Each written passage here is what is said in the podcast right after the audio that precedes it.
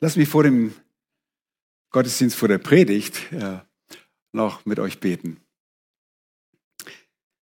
Herr, wir glauben tatsächlich, dass du der lebendige Gott bist, der ewige Gott, der Mensch wurde, um uns zu erlösen. Herr, wir wissen nur allzu sehr um unsere Sünde, unsere Übertretung deines Gebotes, deines Gesetzes.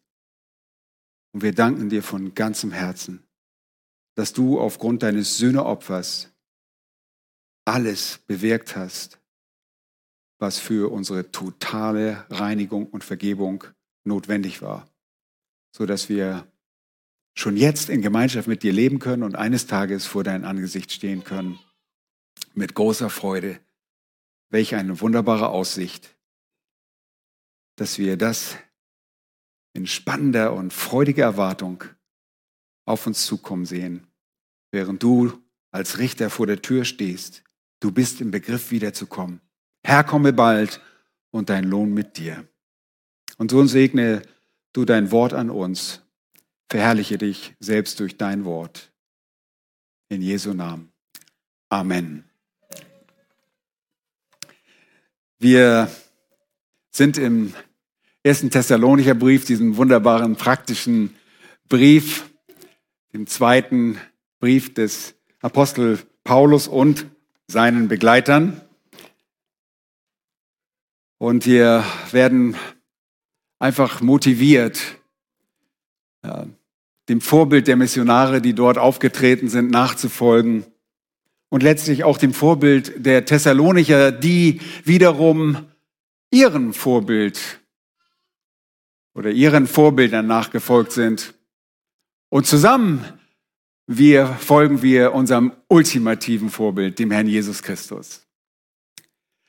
Und heute geht es um die mütterliche Fürsorge eines geistlich effektiven Leiters. Wer von uns liebt nicht das wunderbare Bild einer stillenden Mutter? Die ausstrahlende Nestwärme, die Geborgenheit, die Innigkeit und das Wissen um die hingebungsvolle Liebe von Müttern, die wir damit in Verbindung bringen, die gefällt uns.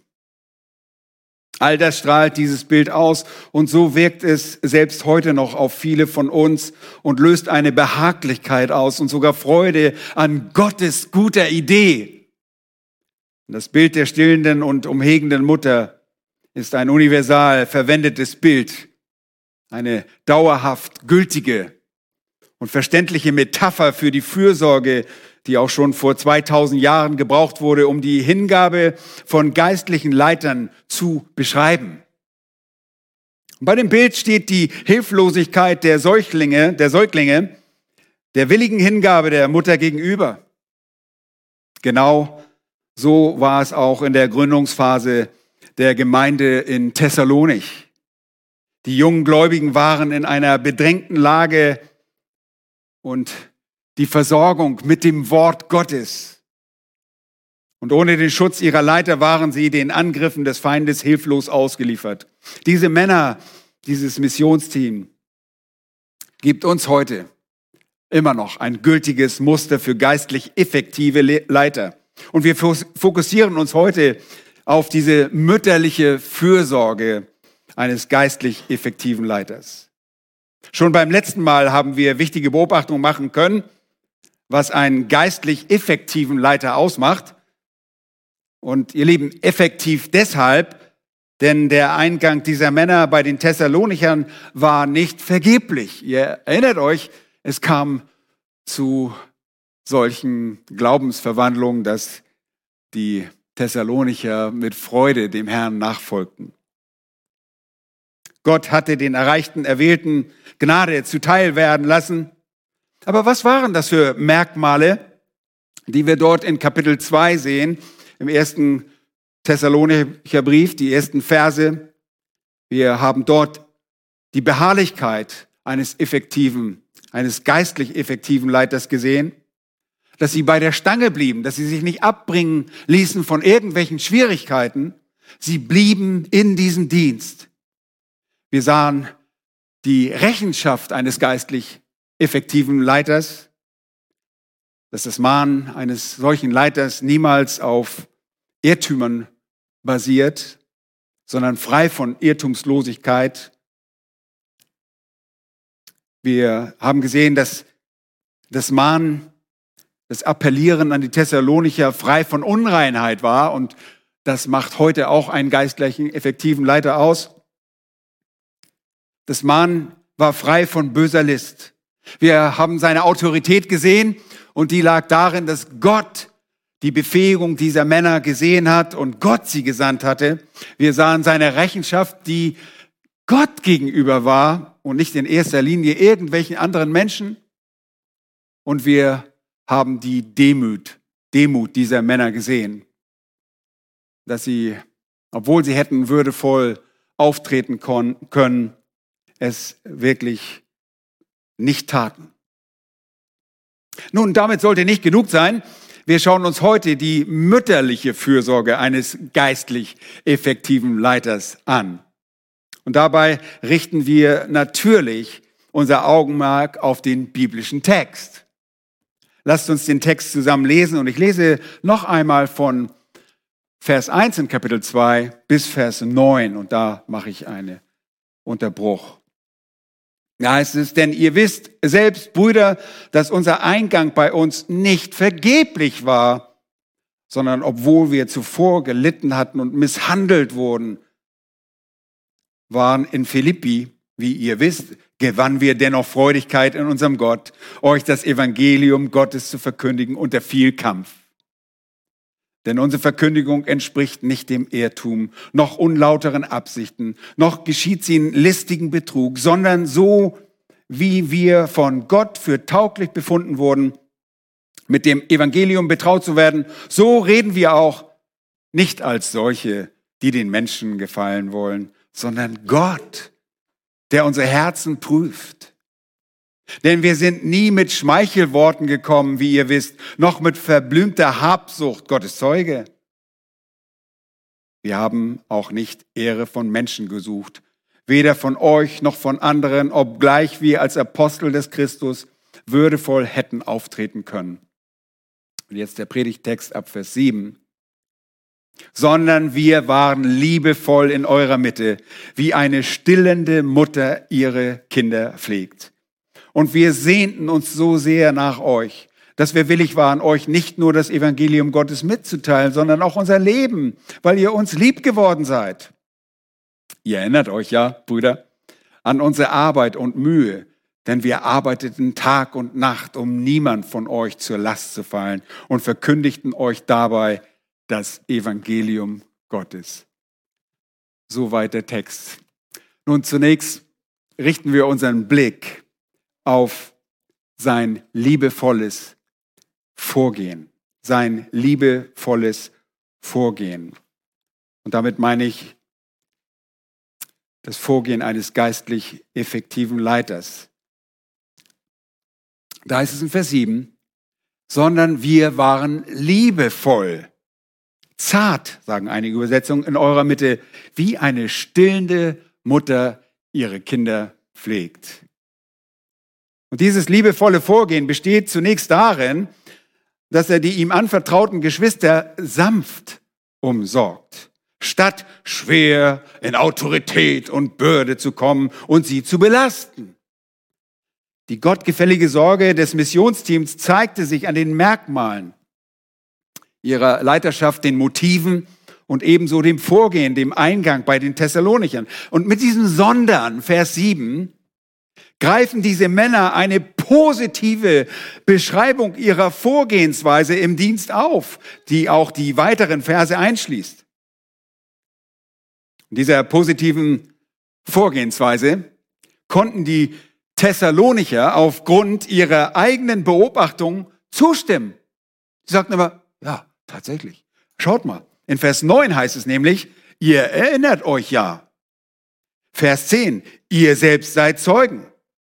Vers 11. Ihr wisst ja. Also es war den Thessalonichern nicht verborgen. Die Thessalonicher wussten um das liebevolle, sanfte Vorgehen der Missionare in ihrer Mitte. Aber wie äußerte sich das liebevolle Vorgehen? Nun, wenn wir auf Vers 6 zurückblicken und in den Elberfelder Bibeln ist das alles schon Vers 7, weil dort eine andere Aufteilung dieses Paragraphen vorgenommen wurde.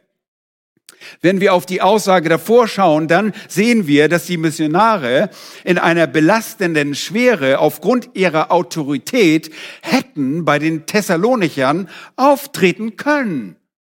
Sie hätten autoritär auftreten können. Sie hätten das Recht auf Ehre gehabt. Und es hieße vor allem das Recht auf finanzielle Unterstützung in Hinsicht auf ihren Dienst. Ja, so hätten diese Männer mit dem Apostel Paulus an der Spitze, allem voraus, so hätten sie auftreten können. Jesus selbst lehrte den Jüngern, dass der Arbeiter seines Lohnes wert sei. Lukas 10, Vers 7. Und es bestand keine Frage, dass diese Männer mit der Botschaft des Evangeliums hart arbeiteten und dafür sogar ihre eigene Gesundheit aufs Spiel setzten. Und wir sehen das etwas später noch deutlicher. Trotz dieser Arbeit und der Rechtmäßigkeit, nämlich eines göttlich legitimen Anspruches auf Versorgung, verhielten die Missionare sich zart und liebevoll. Und das hier verwendete griechische Wort für liebevoll oder zart ist ein ganz seltenes Wort im Neuen Testament. Dass einige der Kopisten, der Abschreiber der Schrift, an dieser Stelle dieses Wort durch ein geläufigeres Wort ersetzten, weil sie es als wahrscheinlicher hielten. Der Text mit dem geläufigeren Wort lautet, wir waren Säuglinge und Unmündige unter euch. Was theoretisch denkbar wäre, weil Paulus anderswo schreibt, den Schwachen bin ich wie ein Schwacher geworden, damit ich die Schwachen gewinne. Ich bin allen alles geworden, damit ich auf alle Weise etliche rette. 1. Korinther 9, 22. Die Thessalonicher waren wie Neugeborene. Und so hätte es bedeuten können, dass die Missionare ihnen gleich wurden um ihnen auf dieser Ebene zu begegnen und nicht von oben herab. Theoretisch denkbar. Nun, der Kontext, der Schriftzusammenhang jedoch deutet eher darauf hin, dass das weniger geläufigere Wort, liebevoll oder zart, hier angemessen und das richtige Wort ist. Okay? Und so entschieden sich auch fast alle Übersetzer dafür, dieses seltenere Wort zu übersetzen statt das geläufigere Wort. Also es gibt weitaus mehr Handschriften, die das geläufigere Wort haben. Möglicherweise gab es bei der Entstehung der Textzeugen bei dem geläufigeren Wort auch nur einen Doppelungsfehler eines einzigen Buchstabens. Nämlich beim Abschreibung eine sogenannte Ditographie, wobei in diesem Fall der letzte Konsonant des vorangegangenen Verbs im Griechischen irrtümlicherweise doppelt geschrieben wurde und so aus dem zart und liebevoll dieses andere Wort Säugling oder Unmündiger wurde. Nun, das ist uns jetzt egal. Wir entscheiden uns so wie die anderen Übersetzer auch. Und wir glauben, dass liebevoll an dieser Stelle richtig ist. In diesem Kontext wie gesagt, ist das zarte Vorgehen, das liebevolle Vorgehen der Missionare sehr wahrscheinlich das, was, was sie hier ausdrücken wollen. Und das bedeutete vor allem, nicht belastend zu sein. Okay? Nicht die Thessalonicher finanziell eine Bürde zu sein. Und die gläubigen Thessalonicher wurden nicht gleich aufgrund der Lehre mit der Verantwortung der finanziellen Versorgung belastet. Wir erinnern uns, dass diese Leute größtenteils nicht reich waren und in Mazedonien war die wirtschaftliche Lage nicht besonders prickelnd.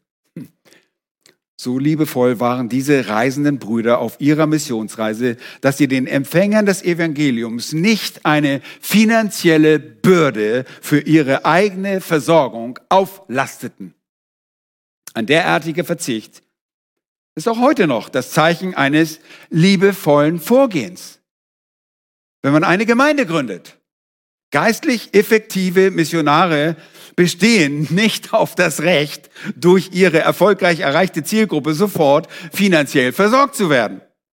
Sie gehen nicht auf ein Missionsfeld und lassen sich anschließend von diesen Leuten bezahlen und halten die Hand auf und sagen, so, jetzt müsst ihr mich aber versorgen. Das hätte ich mir vor 30 Jahren, als ich äh, in Kanada und den Indianern nicht vorstellen können. Erst bringe ich ihnen das Evangelium und dann sage ich, so, jetzt müsst ihr mich bezahlen. Nun, vor 20 Jahren, als wir die Bibelgemeinde gegründet haben, war das undenkbar, dass ich der kleinen Gruppe gleich gesagt hatte, wisst ihr was, jetzt müsst ihr mich aber bezahlen. Die hätten gesagt, meine Güte, was ist das denn? Gut, das ist verständlich, dass äh, junge Gläubige sowas auch nicht tragen können. Sie müssen belehrt werden in dieser Situation. Man kann nicht sofort einer kleinen Gruppe von Gläubigen oder einer jungen Gemeinde die Bürde einer Versorgung auflasten. Das Geben muss behutsam und zum Teil der Belehrung, äh, zum Teil der Belehrung gemacht werden und die Gläubigen müssen dafür heranreifen. Die Thessalonicher waren in diesem Sinne einfach noch Kleinkinder. Und es ist wirklich selten, dass junge Gläubige von Anbeginn freigebig mit ihren Finanzen vor Gott verantwortlich umgehen. Der Gott wohlgefällige Umgang und das Geben muss erlernt und dafür auch gelehrt werden. Und es ist ein Merkmal geistlicher Reife, und das waren diese Empfänger zunächst einmal noch nicht, sollten das aber sehr schnell werden. Erinnert ihr euch, letztes Mal haben wir uns 2. Korinther 8 angerufen, knapp fünf Jahre danach äh, führt Paulus im zweiten Korintherbrief, Kapitel 8, die Gemeinden aus Mazedonien an, in ihrer Freigebigkeit, wie sie über ihr Vermögen hinaus gegeben haben und sogar dieses Team angefleht haben, diese Gabe, diese Liebesgabe zur Versorgung der hungernden, der leidenden Christen mitzunehmen. Nun, statt nun als solche aufzutreten, die eine Last für die Thessalonicher sein würden, waren diese Männer wie eine stillende Mutter, die ihre Kinder umhegt. Sie waren die Gebenden wie bei einer stillenden Mutter. Wobei dir jede Mutter auch sagen würde, dass sie durch ihr zu versorgendes Kind auch viel zurückerhält. Aber das ist nicht so gemeint. Der Säugling ist hilflos und unfähig, in irgendeiner Weise die Last der Mutter zu tragen. Und so ist dieses Bild so zutreffend. Ein geistlich effektiver Leiter umhegt, pflegt wie eine stillende Mutter. Schaut mal nochmal, sondern wir waren liebevoll in eurer Mitte, wie eine stillende Mutter ihre Kinder pflegt. Welch ein wunderbarer Vergleich. Welch ein plastisch anschauliches Bild für den Dienst dieser Missionare. Stillende Mütter waren und sind offenbar immer irgendwo präsent. Und ihre Lebenssituation kann in einem Vergleich immer sehr leicht und gut verstanden werden. Ich meine, denkt nur einmal daran, was diesbezüglich in unserer Gemeinde los ist. Gerade ein Baby geboren, schon kommt das nächste. Und dann sehen wir, diese stillen Mütter haben wir immer vor Augen. Wir haben sogar einen Stillraum. Nun werden Säuglinge damals in der Regel nicht nur für, wurden äh, Säuglinge in der Regel nicht nur für einen ganz kurzen Zeitraum gestillt, wie es heute oft in unserer Gesellschaft üblich ist. Das war die Zeit vor Melupa und äh, Ersatzmilch. Und bis zur Entwöhnung verging in jener Kultur oft nicht weniger als drei Jahre. Und das Ende der Stillzeit hing schon damals von vielen Faktoren ab und war deshalb individuell verschieden. Stillprobleme wie Brustentzündung, Schmerzen beim Stillen, Milchmangel oder andere Erkrankungen konnten und können immer die Stillzeit einer Mutter zu einem vorzeitigen Ende kommen lassen. Und das war damals dann viel bedrohlicher als heute. Wie gesagt, war die Zeit, war es nicht die Zeit des Milchpulvers, der Muttermilchersatznahrung. Aber konnte die eigene Mutter nicht stillen, dann nahm man sich eine Amme. Hey, wie ist das? Du kannst selber nicht mehr stillen, holst dir jemand ran, der das tun kann. Als Ersatz für die eigene Mutter. Das war eine Saugamme. Und stillen ist wirklich cool. Heute sagt selbst die Weltgesundheitsorganisation, die WHO, die UNICEF und die Nationale Stillkommission wie aus einem Mund, dass wenn Mutter und Kind gesund sind, die Muttermilch die beste Nahrung für Säuglinge ist. Und deshalb ist das Stillen bei fast allen klar denkenden Menschen populär, weil es meistens eine bequeme Art der Versorgung der Kleinsten ist. Nun, die ansonsten berauschend wirkende temporäre Zwillingsleihgabe des Ehemannes an sein Neugeborenes wird zur mobilen Gourmetküche und liefert wohltemperiert Nahrung an jedem Ort und zu jeder Zeit. Ich meine, wer will da nicht drauf verzichten? Das ist Gottes perfektes Design. Und Gott hat sich auch dabei etwas gedacht. Und es ist bekannt, dass die sogenannte Vormilch, das Kolostrum, äh, ein milchartiges Sekret der Brustdrüse, die in den ersten sieben Lebenstagen des Babys gebildet wird, viele Antikörper und wertvolle Nährstoffe für das Wachstum des Neugeborenen enthält. Diese unterstützen die Entwicklung des kindlichen Verdauungstrakts und schützen das Kind vor Infektionskrankheiten. Gott hat sich dabei was gedacht. Oh, wie wichtig ist es doch, dass Neugeborene die rechte Nahrung erhalten. Und das trifft auch auf geistlich wiedergeborene Menschen zu. Deshalb ist das Bild so wunderbar. Geistliche Kleinkinder brauchen vor allem in der Anfangsphase ihrer Nachfolge die rechte Leiterschaft. Das Bild ist perfekt. Du schiebst deinen Säugling nicht aufgrund eines subjektiven Eindruckes, zum Beispiel aufgrund von Haarwuchs. Es gibt Kinder, die, die kommen ja schon mit einem Schopf zur Welt. Die haben da ein Büschel da oben drauf. Dann denkst du, boah, die sind richtig reif und weit. Meine Kinder haben alle Glatze gehabt zwei Jahre lang. Nun, du schiebst nicht zwischendurch eine Knackwurst in den Hals deines Babys. Im Geistlichen habe ich das oft von Leitern beobachten. Und das tut diesem Säugling nicht gut, denn bald schon findest du ihn aufgeblasen am Tisch sitzen, den Säugling, wie er selbst ohne Zähne ein Steak zu verdrücken sucht und schimpft mit dir, wenn du ihn korrigieren willst.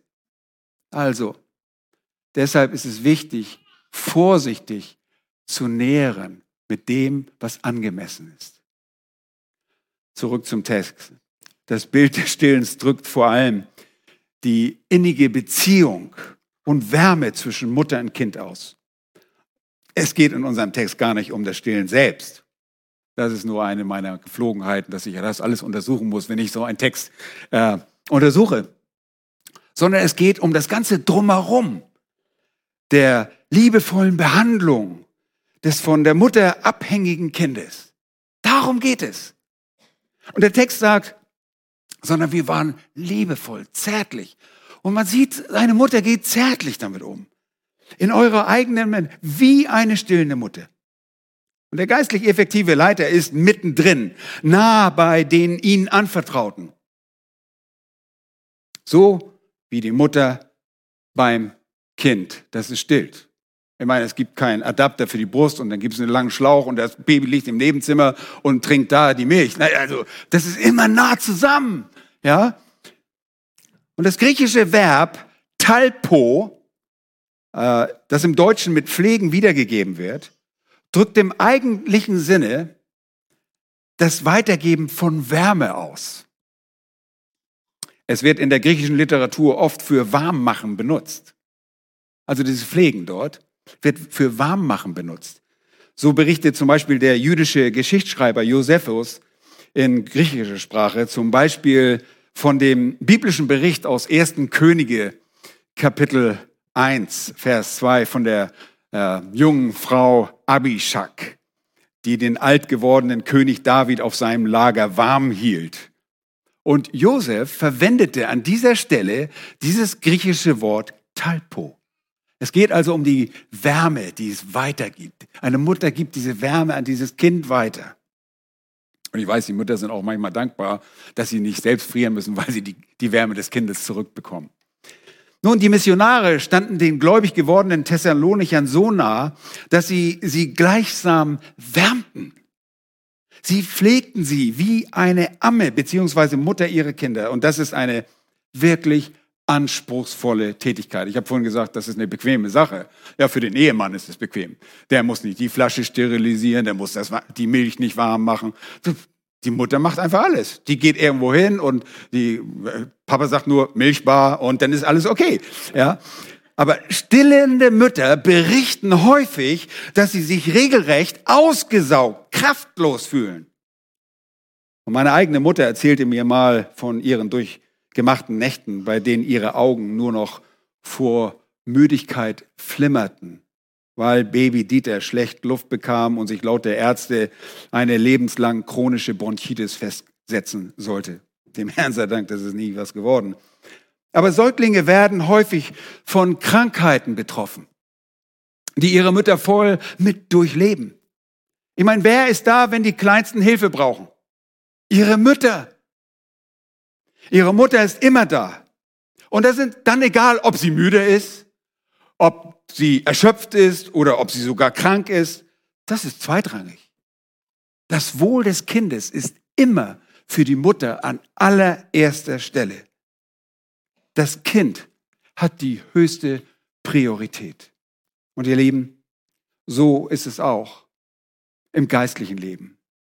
Und so ist es für einen geistlich effektiven Leiter in seinem liebevollen Vorgehen, dass er immer das Kind im Glauben bevorzugt. Er sieht zuerst das Wohl der jungen Gläubigen.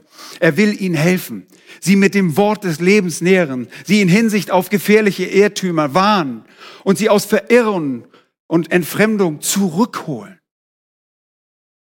Und der Säugling verlangt selbst auch nach seiner Mutter. Ich meine, das ist oft nicht zu überhören, oder? Ja, deshalb gibt es so kräftige Babystimmen. Und er lässt allen hörbar wissen, er ist darauf angewiesen. Und das wird einem geistlichen Kind auch sehr bald nahegelegt, dass sie diese Hilfe brauchen. Petrus schreibt, seid als neugeborenen Kindlein begierig nach der unverfälschten Milch des Wortes, damit ihr durch sie heranwachst. Wenn ihr wirklich geschmeckt habt, dass der Herr freundlich ist. Ein Kind wird nicht in die Welt gesetzt und dann ist die Arbeit geschafft und es wird sich selbst überlassen. Das können wir nicht tun. Das tut kein Mensch. Er kann sich nicht allein mit der Nahrung des Wortes Gottes versorgen, dieser Säugling. Oh ja, kann anfangen zu lesen, er beginnt wohl damit, selbst zu lesen, aber es muss wachsen und kann nicht alles von Anbeginn an wissen oder verstehen. Und das ist in Ordnung. Und das ist nur natürlich. Keiner schimpft mit einem Baby und sagt, wieso läufst du nicht über die Straße und guckst nach rechts und links? Das läuft erstmal noch gar nicht, das Kind. Jeder versteht das. Und so ist es auch im Geistlichen. Wir müssen das verstehen. Nun, deshalb wird ein Neugeborener, behutsam, liebevoll, gepflegt, Wärme weitergeben und belehrt. Und das ist eine feinfühlige Arbeit. Und es geht dabei nicht zu wie auf einer Baustelle, wo mit rohen Kräften, wir haben immer gesagt, wo rohe Kräfte sinnlos walten, ja, und oft ungehobelten Handwerkern zu rechnen ist. Ja, ihr wisst, wie das auf der Baustelle ist. Ein Kind wird nicht mit einer Brechstange, mit einem Kuhfuß geöffnet. Niemals. Ein Kind wird auch nicht mit einem Schraubstock festgehalten, um verbogene Ansichten zu korrigieren oder ihm etwas mit dem Trichter einzuflößen. Das wird behutsam getan. Und das Füttern geht schluckweise. Und wir freuen uns jedes Mal. Und ich sehe das immer wieder so mit Begeisterung. Mütter wiegen dann ihr Kind und sagen, oh, hat wieder 100 Gramm zugenommen. Ich denke, 100 Gramm? Ich wünschte, ich könnte mal 100 Gramm abnehmen. Ja, Also äh, immer nur diese kleinen Schritte. Und wir sind begeistert. Und wehe, wenn das Kind nicht zugenommen hat, dann ist eine Krise. All diese Kenntnisse der liebevollen Fürsorge bewiesen diese Männer bei den Thessalonichern. Und die Thessalonicher konnten dem liebevollen Umgang mit dem behutsamen Umgehen umhegen, aus der Erfahrung zustimmen. Und das fällt auf in diesem Brief. Er sagt, ihr erinnert euch, ihr wisst, Gottes Zeuge, ihr wisst, ihr wisst und erinnert sie immer wieder daran. Er blickt zurück. Und das Pflegebild einer Mutter für ihre Kinder ist der historischen Situation auf der zweiten Missionsreise auch äußerst angemessen. Denn die Missionare wurden gemäß der Vorsehung Gottes gezwungen, die Stadt Thessaloniki bereits nach wenigen Monaten zu verlassen. Und wir lesen in unserem Text weiter und schauen dabei auf die mütterliche Fürsorge und das Motiv eines geistlich effektiven Leiters, wie sie auch die Missionare erlebten und jetzt den Thessalonichern in Erinnerung brachten. Zweitens sehen wir sein sehnsuchtsvolles Verlangen, sein sehnsuchtsvolle, das sehnsuchtsvolle Verlangen. Vers 8. Wir sehnten uns so sehr nach euch, dass wir willig waren, euch nicht nur das Evangelium Gottes mitzuteilen, sondern auch unser Leben, weil ihr uns lieb geworden seid. Und was sie hier sagen ist, dass sie eine Sehnsucht hatten, das mehr als das Mitteilen des Evangeliums ausmachte. Nun, ein geistlich effektiver Leiter besitzt immer ein umfassendes Begehren, das auf biblischer Grundlage fußt. Zunächst ist sein Verlangen, anderen das Evangelium von Jesus Christus zu verkündigen. Das haben wir schon gesehen. Das haben wir sogar schon im ersten Kapitel gesehen. Das haben diese Männer getan. Sie kamen, das Evangelium kam nicht nur in Wort, sondern es kam in Kraft und im Heiligen Geist und in großer Gewissheit. Aber dieses Evangelium, das Mitteilen des Evangeliums, dieses Verlangen, das erlischt auch nicht. Das hört nicht auf. Er weiß, es geht nicht ohne das gesprochene Wort. Aber zweitens geht damit das Verlangen einher, sich selbst mit seinem ganzen Leben anderen mitzuteilen. Es ist das Evangelium in Wort und Leben. Es ist das Evangelium als irrtumsloses Wort Gottes und das Evangelium in effektiver Wirkung durch ein Gott verändertes und einflussnehmendes Leben. Und diese beiden Komponenten, sie müssen immer richtig miteinander harmonieren und in Ausgewogenheit nebeneinander existieren. Eine kleine Akzentverschiebung beziehungsweise ein nicht richtiges Gleichgewicht macht einen Mann zu einem religiös effektiven Manager, aber nicht zu einem geistlich effektiven Leiter. Okay? Verstehen wir den Unterschied? Ein religiöser, wir wollen nicht religiös sein, wir wollen geistlich sein. Wir wollen keine Manager sein, sondern wir wollen biblische Leiter sein. Nun, zuerst brachten die Missionare das Evangelium des Herrn Jesus Christus als Botschaft aber wisst ihr was? Nie unter Ausschluss des zweiten Verlangens, sich nämlich selbst ganzheitlich mitzuteilen. Ein geistlich effektiver Leiter lebt in der Gemeinschaft der Heiligen. Es ist die Gemeinde, in der er lebt. Das ist sein Zuhause. Und die Missionare wussten, dass die Botschaft des Evangeliums den Thessalonichern das Leben konnte, wenn diese es annahmen, annehmen würden. Preis den Herrn, das taten nicht wenige von ihnen, denn sie waren von Gott Auserwählte. Und dem geistlich effektiven Leiter muss auch bewusst sein, dass der Mensch nicht durch eine Beziehung gerettet wird. Menschen werden nicht durch eine Beziehung gerettet. Ja, das kann ganz leicht äh, aus dem Gleichgewicht. Es wird manchmal so sehr die Beziehung äh, betont, aber Menschen werden nicht durch eine Erziehung oder Beziehung gerettet, Erziehung auch nicht, ja, sondern durch das Wort Gottes sondern durch den lebendig machenden Samen. Okay? Und dieser Same ist das Wort Gottes. Alle von euch, die ihr gläubig seid, sind nur, ihr seid nur gläubig geworden, weil ihr das Wort Gottes gehört habt. Den lebendigen, unvergänglichen Samen des Wortes Gottes. Um einen Menschen zu zeugen, bedarf es für die Befruchtung einer weiblichen Eizelle einen vergänglichen Samen eines Mannes. Um ein Nachfolger Jesu zu werden und um einen geistlichen Säugling zu empfangen, bedarf es des ewigen Samens und ein vorbereitetes, aufnahmebereites Herz. Und es benötigt die klare Verkündigung des Evangeliums, des Wortes Gottes.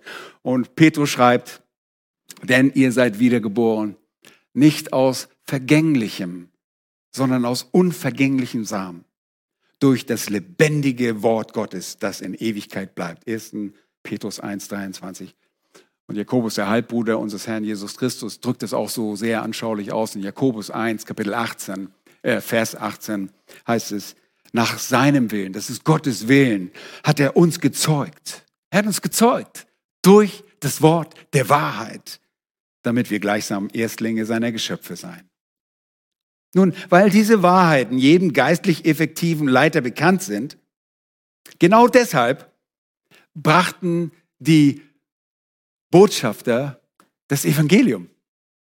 Weil das der Same ist, weil das das Mittel ist, um Menschen zu zeugen, um Gott wirken zu lassen. Damit aber nicht genug. Diese Männer hatten ein Verlangen, das jeden Missionar zu eigen ist. Er möchte sich selbst als Person, buchstäblich hier seine Seele, das ist das Wort, aber damit sein ganzes Leben offenbaren und seinen Empfängern, mit seinen Empfängern teilen. Okay? Du bist, äh, wir sind keine Predigtmaschinen. Ja, das könnten wir überall, wir gehen in jede Gemeinde, ein Kassettenrekorder, sage ich schon bei einer, ein CD-Spieler. Früher waren das Kassetten, seht ihr, ich bin schon so alt. Ihr wisst gar nicht mehr, was Kassetten sind, ne? Ja, ich weiß, genau. Nein, CD-Spieler, MP3 oder MP4 oder was auch immer und, okay. Das könnten wir doch hier hinstellen. Wir könnten doch hier einen Monitor hinstellen und wir gucken uns einfach Predigt nach einer Predigt. Das ist doch Synergismus. Da wirken unsere Energien zusammen. Einer braucht nur predigen und alle werden gespeist. Nein, meine Lieben. Es geht darum, die Botschaft ist an eine Person gebunden. Und dieses Begehren ist notwendig für ein hingebungsvolles Pflegen und Belehren der Kinder Gottes. Nochmals, ich weiß, in der Pflege, wie heißt es, 4.0 oder so, denkt man über Roboter nach. Und äh, in Japan werden schon teilweise äh, Leute per Roboter gefüttert. Und möge es nie so weit kommen, dass wir das in den Gemeinden einführen. Dass hier ein Roboter nachher das Wort Gottes vorliest. Was willst du wissen?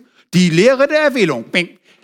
Gott hat dich erwählt vor Grundlegung der Welt. Nein, wir brauchen Menschen. Wir teilen uns mit. Unser Inneres. Nun, aus der Distanz ist der pflegende Umgang und das Belehren einfach nicht möglich.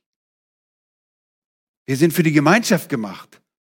Und das macht das Neue Testament in seiner eindrücklichen, oft bildlichen Sprache deutlich. Wir sind ein Leib. Wir gehören zueinander. Da kannst du nicht einfach, oh, ich bleib weg. Hey, mein Arm ist weggegangen. Mein Arm ist weg. Oh, wo ist mein Arm geblieben? Na, du hast ja zwei Arme, einer reicht doch. Lieben, wir brauchen einander. Wir sind ein Leib, die Gemeinde. Und dazu gehören jeweils auch die Leiter einer Gemeinde. Wir sind nicht für eine Fernbeziehung geschaffen, nicht für digitale Zoom-Meetings sondern für reale Zusammenkünfte und ein gemeinsames Leben. Ich meine, die Corona-Krise hat uns diese Dinge sehr deutlich vor Augen geführt, wie sehr wir reale Zusammenkünfte brauchen. Ich meine, es ist ganz schön, dich auch am Computer mal zu sehen. Da sieht man weniger Falten, da kann man auch noch manipulieren und ein bisschen heller das Bild einstellen. Und du siehst richtig wieder jung aus. Echt? Leute könnten sich in mich verlieben. Also, nein, aber in der realen, darauf kommt es an. Wir teilen unser Herz mit. Wir sind nicht für einen Klassenraumatmosphäre geschaffen, sondern wir sind mittendrin. Das Miteinander. Wir sind ein lebendiger Organismus. Und warum sollten die Missionare sich mitteilen? Schaut in den Text. Da heißt es, wir sehnten uns so sehr nach euch, dass wir willig waren, euch nicht nur das Evangelium Gottes mitzuteilen, sondern auch unser Leben, weil ihr uns lieb geworden seid. Die haben diese Geschwister geliebt. Ich meine, wir haben einen langen Vortrag über die Liebe Gottes gehabt, oder? Wir lieben einander. Das ist nicht nur irgendwie so ein, oh, ich habe so ein warmes Gefühl, oh, ist schön, dass du da bist. Nein, das ist ein Entschluss, dass wir füreinander da sind. Hier steht ein liebendes Verlangen im Vordergrund. Und die Gemeinde Jesu ist nur Gemeinde, wenn sie durch die Liebe des Christus zusammengehalten wird. Nur dann. Alles andere sind religiöse Clubs und da braucht man das nicht. Briefmarken, Sammlerverein braucht keine Liebe. Die brauchen keine Liebe. Die können sich auch meinetwegen über Zoom treffen. Aber nicht die Gemeinde. Nicht die Gemeinde des lebendigen Gottes. Und die Liebe ist das vornehmste Element, das wesentliche Unterscheidungsmerkmal der Gemeinde Jesu anderen Vereinigungen gegenüber. Meine Frage an dich, liebst du deine Geschwister so sehr, dass du gewillt bist, dein Leben mit uns zu teilen? Was sind deine tatsächlichen Verlangen? Gehört das Verlangen dazu, dass du dein Leben mit deinen Geschwistern teilst und ihr geistliches Wohl dein Anliegen ist? Das müssen wir uns wirklich immer wieder fragen. Wir können uns viel vormachen. Sind deine Entscheidungen durch deine Liebe zu den anderen Geschwistern bestimmt? Werden sie dadurch getroffen oder gelenkt? Und denkst du vielleicht gar nicht an ihre Empfindung, sondern denkst nur an die Verwirklichung deiner Ziele? Bringst du dabei die Opfer einer stillenden Mutter? Oder drückst du einfach die geistliche Milchflasche deinem Nächsten in die Hand? Ich meine, nochmals, das Stillen, wir sagen mal, oh, das ist hier so einfach. Ganz einfach. Für Männer ist es sowieso einfach, ne? wenn die Frauen stillen. Ja, praktisch, super gut. Aber wisst ihr was, das ist auch eine Hingabe. Das, die Mutter bringt Opfer. Und so bringen wir als geistliche Leiter, müssen wir Opfer bringen. Oh, diese Missionare haben uns so ein so gutes Vorbild hinterlassen. Aber warum? Weil sie selbst Nachahmer des Herrn Jesus Christus geworden sind. Und ihr Lieben, darauf kommt es wirklich an. Es kommt nicht, dass wir irgendwelchen Menschen irgendwas nachaffen. Ja. Paulus sagte nur, tut es so wie ich, weil ich Christus nachahme.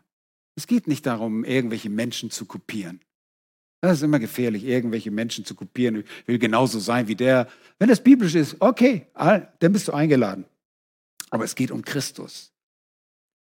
Sie waren selbst, und das haben wir im ersten Kapitel gelesen, ganz deutlich, sie sind Nachahmer des Herrn geworden. Da in Vers 6 in Kapitel 1. Ihr seid unsere und des Herrn Nachahmer geworden. Nur deshalb konnten sie selbst zu Vorbildern werden.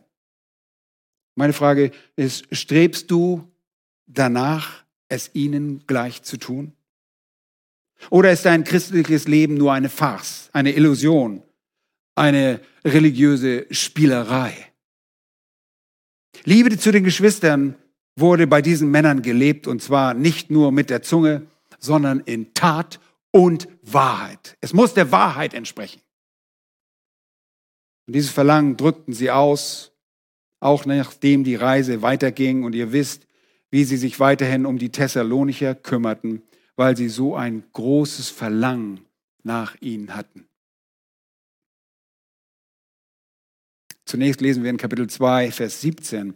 Wir aber, Brüder, nachdem wir für eine kleine Weile von euch getrennt waren, dem Angesicht nach, nicht dem Herzen nach, im Herzen waren sie immer noch bei den Thessalonichern, haben uns mit großem Verlangen umso mehr bemüht, euer Angesicht zu sehen.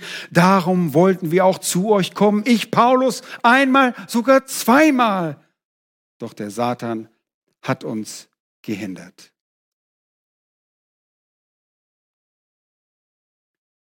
Nun, wir können nicht so schnell sagen, Satan hat uns gehindert nur weil wir einen Platten auf der Autobahn hatten und ich kann dich heute nicht besuchen. Ich habe einen Platten, Satan hat mir einen reingestochen.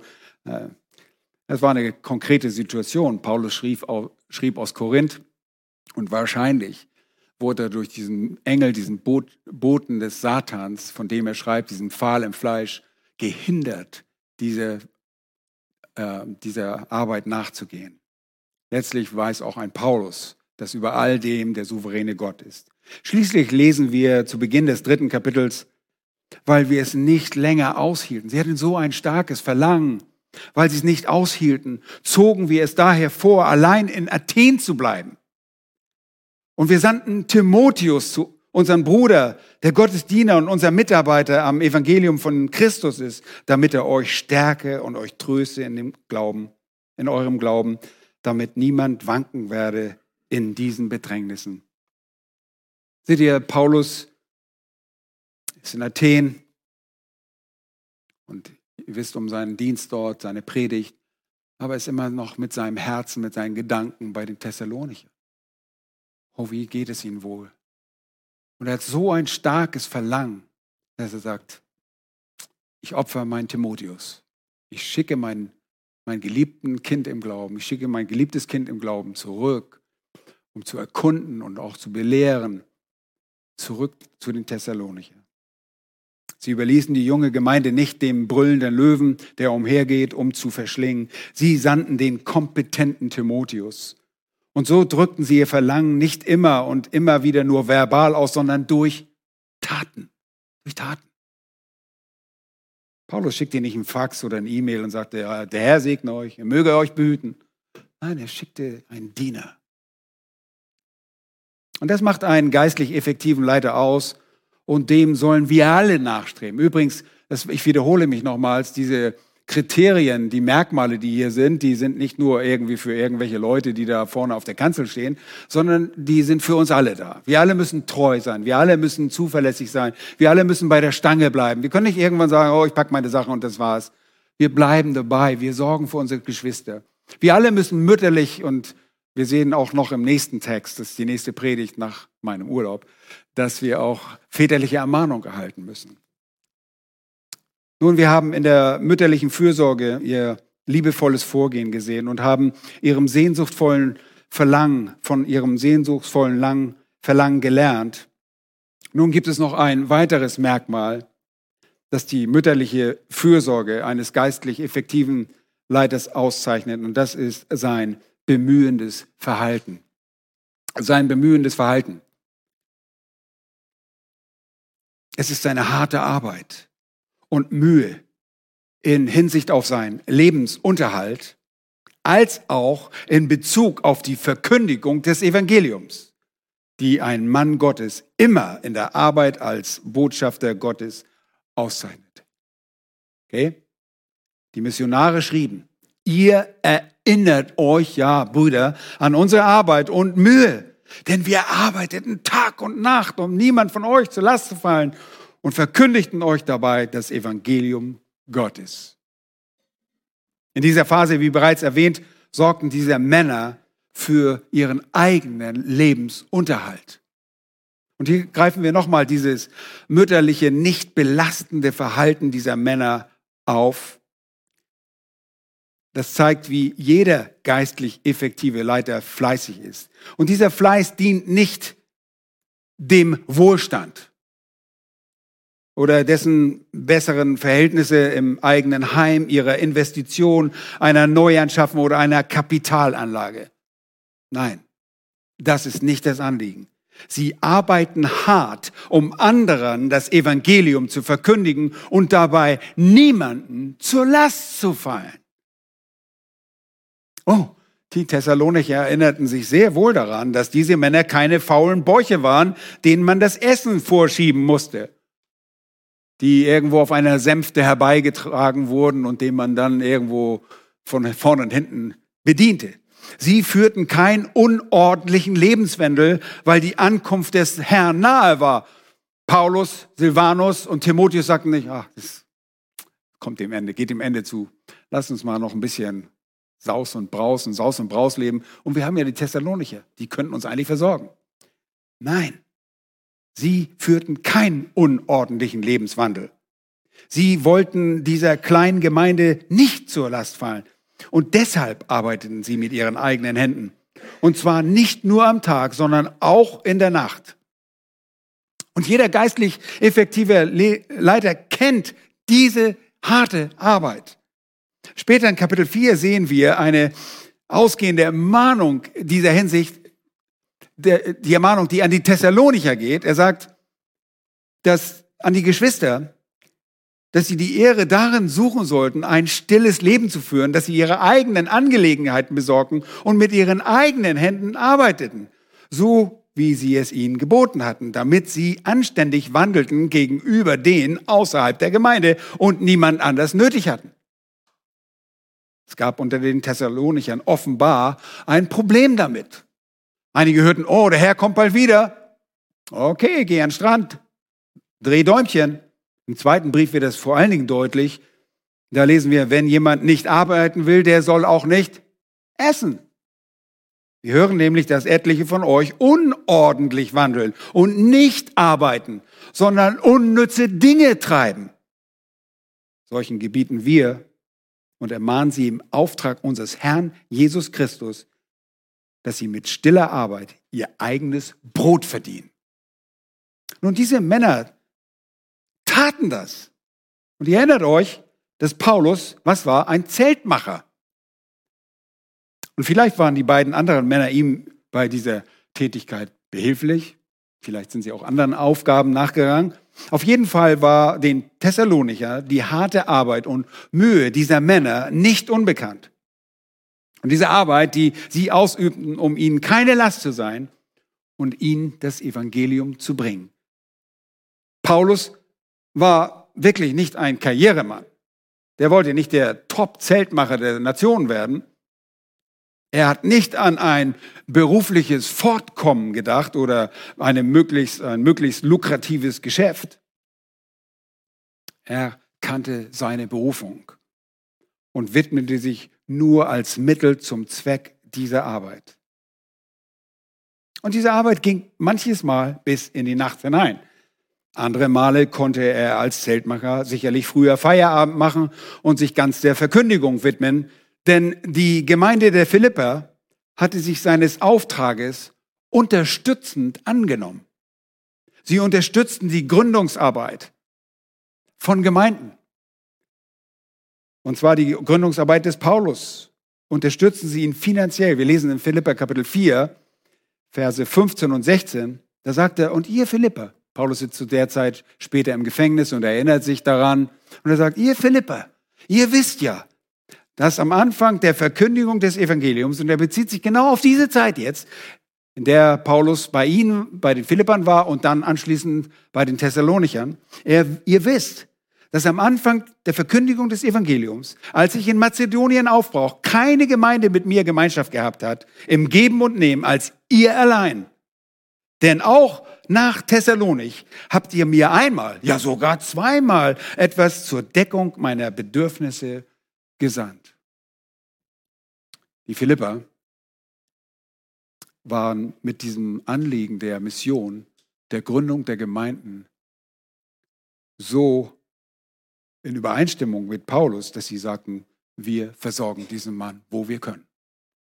Und dieses zweimalige Geben spricht auch für einen längeren Aufenthalt als nur drei Wochen, weil man sieht, dass äh, Paulus und die Begleiter drei Wochen in die Synagoge gehen, dort werden sie rausgeworfen. Und dann denken einige, oh, dann mussten sie sofort nach Beröa. Nein, sie blieben noch einige Monate dort und evangelisierten weiter und lebten unter den Thessalonichern. Und innerhalb dieser Zeit, vielleicht zu Anfang, kam ein Geldbetrag aus, von Philippi und später nochmals, um die Bedürfnisse zu decken. Nun, Paulus ganze Mühe und Leidenschaft bestand nicht, wasserdichte Zeltbahnen zu produzieren oder zu schneiden und zu verknüpfen. Seine Lebensaufgabe lag in der Verkündigung des Wortes Gottes. Und das war und blieb zeitlebens seine Priorität. Und er predigt mitunter lange, sehr lange. Und da komme ich nicht mit. Und seine Begleiter lernten von ihm und jeder Prediger und geistlich effektive äh, Leiter, Gemeindeleiter tut das auch. Wir predigen nicht fünf Minuten Predigtchens, ja, wo du ein Chen hinten dran machst. Aber heute muss ich euch wiederum daran erinnern, wer wirklich das ultimative Vorbild all der Dinge ist, die ich euch anhand des Textes aufgeführt habe. Es ist der Herr Jesus Christus selbst, der die mütterliche Fürsorge eines geistlich effektiven Leiters in Perfektion darstellt. Während jedes menschliche Vorbild fehlerhaft und ja auch sündig ist, der Herr Jesus ist es nicht. Und wir haben uns lange das Markus-Evangelium angesehen. Für das liebevolle Vorgehen haben wir unseren Herrn Jesus Christus als Vorbild. Für sein sehnsuchtsvolles Verlangen er hatte Verlangen. Er sagt sogar, ich hatte Verlangen, mit euch das Mahl des Herrn zu feiern. Ich hatte Verlangen, mit euch zu sein. Er drückt dieses Verlangen aus. Schau auf ihn, auch für sein bemühendes Verhalten. Wie er gearbeitet hat, Tag und Nacht. Dann geht er beten bei Nacht und wir denken, wow, was für ein wunderbares Vorbild. Jesus enttäuscht uns niemals. Und deshalb gilt unser Dank auch nur ihm und seinem Vater und dem Heiligen Geist. Unser Gott ist es, den wir nachahmen und unseren dreieinigen Gott, Jahwe, bringen wir deshalb auch alle Ehre, Dank und Anbetung dar. Und das wollen wir jetzt tun. Lass uns das tun. Unser geliebter Herr, wir danken dir für das wunderbare Vorbild dieser Missionare bei ihrem Auftreten in Mazedonien, in den Gemeinden Mazedoniens, speziell in der Gemeinde zu Thessalonik. Herr, wir danken dir, dass dein Evangelium dort Frucht wirken durfte, weil du gnädig bist. Und Herr Jesus Christus, du bist unser ultimativer Leiter, unser Vorbild. Du bist der beste Hirte, den es gibt. Du bist der Hirte unserer Seelen. Wie wunderbar es ist, dass wir zu dir kommen dürfen und dass du immer da bist. Du bist immer um uns und in uns. Wir preisen dich für deine große Güte, die du uns erwiesen hast. Du hast auch dein Verlangen uns gegenüber zum ausgedrückt, über ausgedrückt in deinem Wort. Herr, du sehnst dich danach, deine Kinder zu sehen. Du sehnst dich danach, dass wir deine Herrlichkeit sehen. Und das werden wir. Und so wollen wir alle diesem wunderbaren Vorbild, das du gegeben hast, aber auch dem Vorbild dieser geistlich effektiven Männer nacheifern. Herr, und wir danken dir, dass dein Wort immer noch erschallt und ich bete ganz besonders für die Evangelisation, die heute in Thessaloniki stattfindet. Ich bete für Timotheus, Atoniades, mein Freund, der dort in einer Gemeinde ist und die jetzt in den Stadtparks in Thessaloniki versuchen, den Menschen das Evangelium kundzutun. Erbarme dich dort, dass die Gemeinde bei den Thessalonikern heute stark wird. Ich bitte dich von Herzen, segne du das, was dort getan wird, damit dein Reich wächst und deine Gemeinde gebaut wird. Wir geben dir die Ehre. In Jesu Namen. Amen.